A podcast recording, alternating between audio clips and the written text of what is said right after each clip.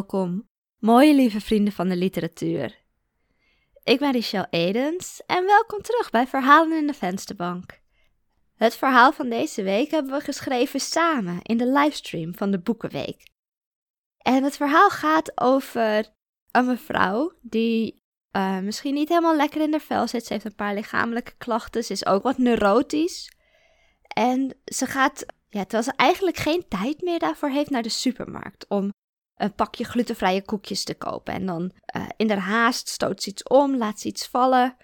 En gaandeweg blijkt dan dat ze eigenlijk een beetje last heeft van ja, wat, wat mensen in het Engels dan noemen internalized ableism. Dat je eigenlijk voor jezelf, ondanks dat je lichamelijke klachten of psychische klachten heeft, dat je dan aan jezelf dezelfde eisen blijft stellen als de mensen zonder die klachten. En dat je dan heel negatief over jezelf gaat denken en teleurgesteld in jezelf bent als je niet aan die eisen kan voldoen.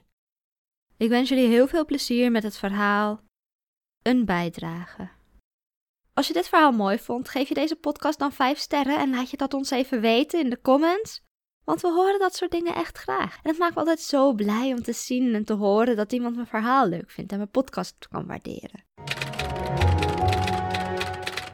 U gaat luisteren naar het verhaal Een bijdrage. Geschreven en voorgelezen door Richelle en Edens. Ik heb een hekel aan mensen die met haast naar de supermarkt gaan. Het is een teken van slechte tijdmanagement, slechte planning. Mijn planning is doorgaans heel precies, maar nu loop ik toch onder tijdsdruk door de gangpaden.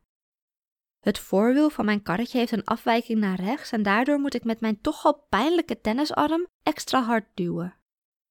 Ik laat voor een moment mijn karretje los en knijp en wrijf in mijn elleboog. Een impromptu massage die niet helpt. Misschien is het ook eigenlijk meer een toneelstukje, zodat die vakkenvullers zien hoeveel moeite het me kost om het karretje te duwen, zodat ze weten dat ze de wielen opnieuw moeten oliën. Een vrouw in een geruit overhemd stapt achteruit en loopt tegen mijn karretje aan.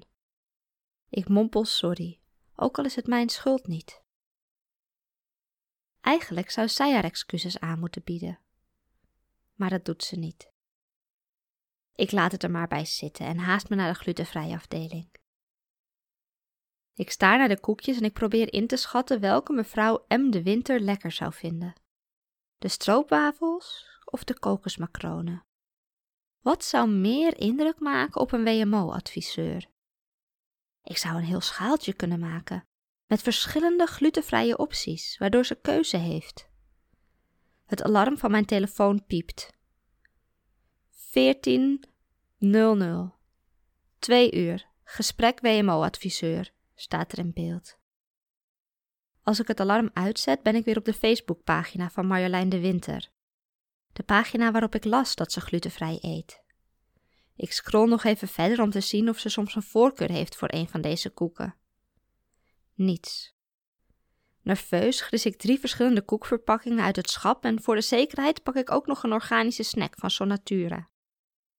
In mijn onbeholpen haast blijft de Sonatura-verpakking haken achter de glazen fles met organisch perensap. Even denk ik dat ik de fles met mijn elleboog kan vangen, maar die onverwachte beweging zorgt alleen maar voor een scheut pijn in mijn tennisarm. Een moment later valt de glazen fles op de vloer. Ik zie het gebeuren en toch schrik ik van de klap die dat geeft. Nee, fluister ik zachtjes. Dit kan niet, dit gebeurt niet, dit overkomt niet mij, niet nu, niet hier, niet vandaag.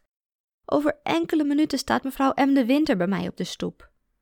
Of misschien is ze er al. Misschien is er zo iemand die altijd vijf minuten te vroeg is.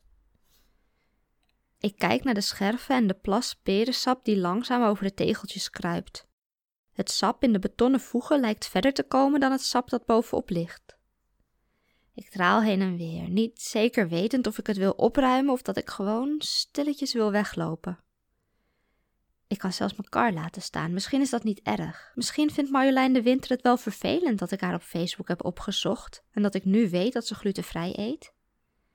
Ik heb thuis al een hele plank vol met koek, want zoveel visite krijg ik niet. Zojuist thuis leek het me nog onverdraaglijk ongemakkelijk als ik haar een kanokoek zou voorschotelen en ze zou me op dat moment vertellen dat ze glutenvrij eet. Maar nu weet ik het allemaal niet meer. Ik kijk nog een keer naar mijn telefoon. Als ze niet wilde dat haar cliënten rekening hielden met haar dieet, dan had ze haar Facebook-profiel wel op privé gezet. Toch? Ik zet een stap bij de perensap vandaan en sop in mijn schoenen. Er is een grote guts in mijn ballerina's gekomen, waardoor mijn sokken nu steeds natter en kouder worden. Weglopen kan niet. Ik zou een spoor van perensap achterlaten. En iedereen zou zien dat ik iets verniel en verspil en dan niet opruim. Mijn wangen gloeien nu al van ingebeelde schaamte en ik blijf braaf staan. Er lopen andere klanten langs. Eén iemand reikt langs me heen om een pak glutenvrije stroopwafels te pakken. Opgelucht zie ik tenslotte iemand in het hesje van de supermarkt verschijnen. Ik wil niet naar hem schreeuwen. Ik wil niet dat iedereen dan naar me kijkt. Hé, hey, fluister ik. Pst, winkeljongen. Hij hoort het niet.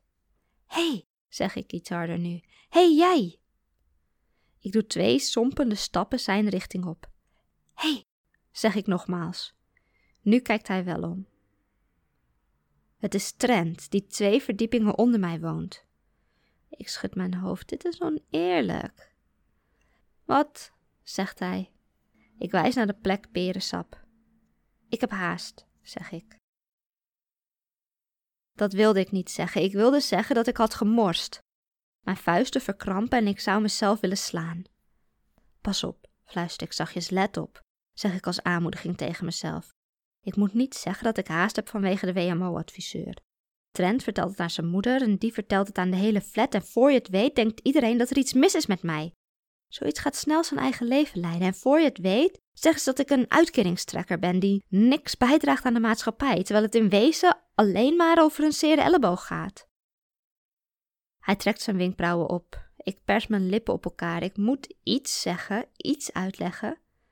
Normaal heb ik geen haast, zeg ik. Normaal ben ik erg goed in tijdmanagement. Er komt zo iemand met een glutenallergie op bezoek. Ik gebaar naar mijn kar waar de glutenvrije koekjes in liggen en er valt een stilte. Het maakt niet uit wie er komt, zeg ik. Ik heb die perensap gemorst. Kan gebeuren, zegt Trent. Hij ziet er verveeld uit. Hij ziet eruit alsof hij wil weglopen. Hij wil vast doen alsof hij het niet gezien heeft. Hij wil gewoon doorgaan met vakken vullen en dan, terwijl hij zogenaamd de Segafredo in het schap zet, kijkt hij tegelijkertijd op zijn telefoon en scrolt hij een beetje rond op Facebook. En als klanten hem iets vragen, dan is hij vast zo'n medewerker die nooit eventjes meeloopt, maar die zonder van zijn telefoon op te kijken dan zegt: gangpad 3 of gangpad 5 of welk gangpad je dan ook moet zijn. Zo iemand is hij vast en zeker. Ik zie het aan de blik in zijn ogen. Ik zie het aan de manier waarop hij naar me kijkt. We moeten het opruimen, zeg ik. Ik ga het opruimen. Kun je een doekje voor me halen? Hij draait zich om en komt even later terug met een rijdende emmer sop. Er zit maar één zwabber in. Hij duwt de mop heen en weer over de tegels. Ik sta erbij en kijk ernaar. Hij geeft me niet eens de kans om het zelf schoon te maken. Ik weet niet of ik moet blijven staan of weglopen. Daar ook nog, zeg ik onbehulpzaam te zijn. En ik wijs naar een paar druppels die verder weggespat zijn. Aha, zegt Trent. Ik blijf staan. Weglopen lijkt me te onbeleefd. Alhoewel toekijken hoe iemand anders aan het werk is, is ook niet heel beleefd natuurlijk. Ik weet niet waar ik mijn handen moet houden. Armen over elkaar, armen in mijn zij, armen achter mijn rug. Ten slotte stop ik mijn handen maar in mijn zakken.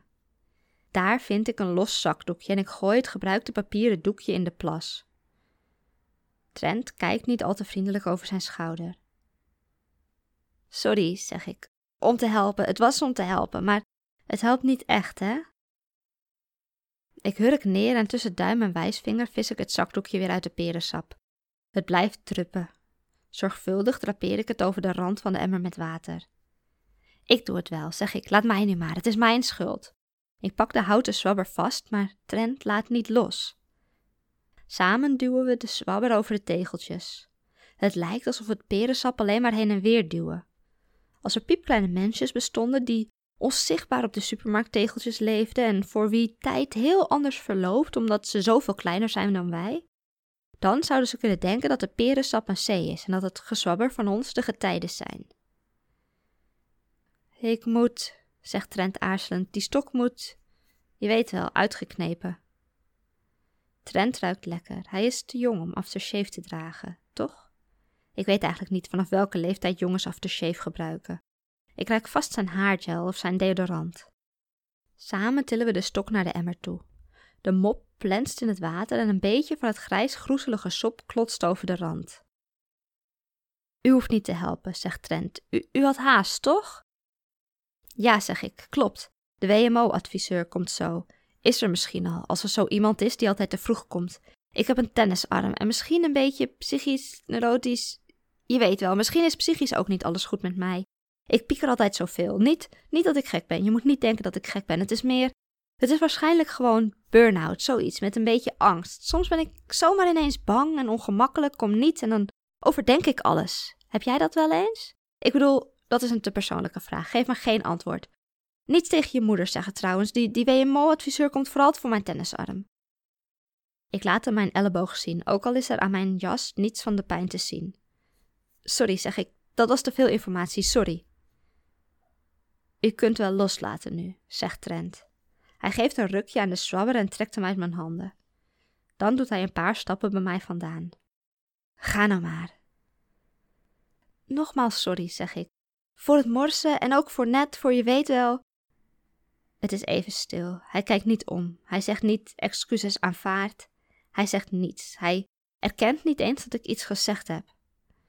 Nou, mompel ik, ik zie je wel weer bij onze flat dan. Trent concentreert zich nog steeds op de zwabber. Ik loop achteruit bij hem vandaan en laat een spoor van plakkerige voetstappen na.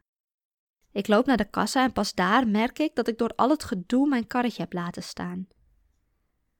Laat maar, het is te ongemakkelijk om die nu nog terug te halen. Maar evenmin durf ik langs de kassa zonder iets af te rekenen. Ik grijp een pakje kauwgom en reken dat af.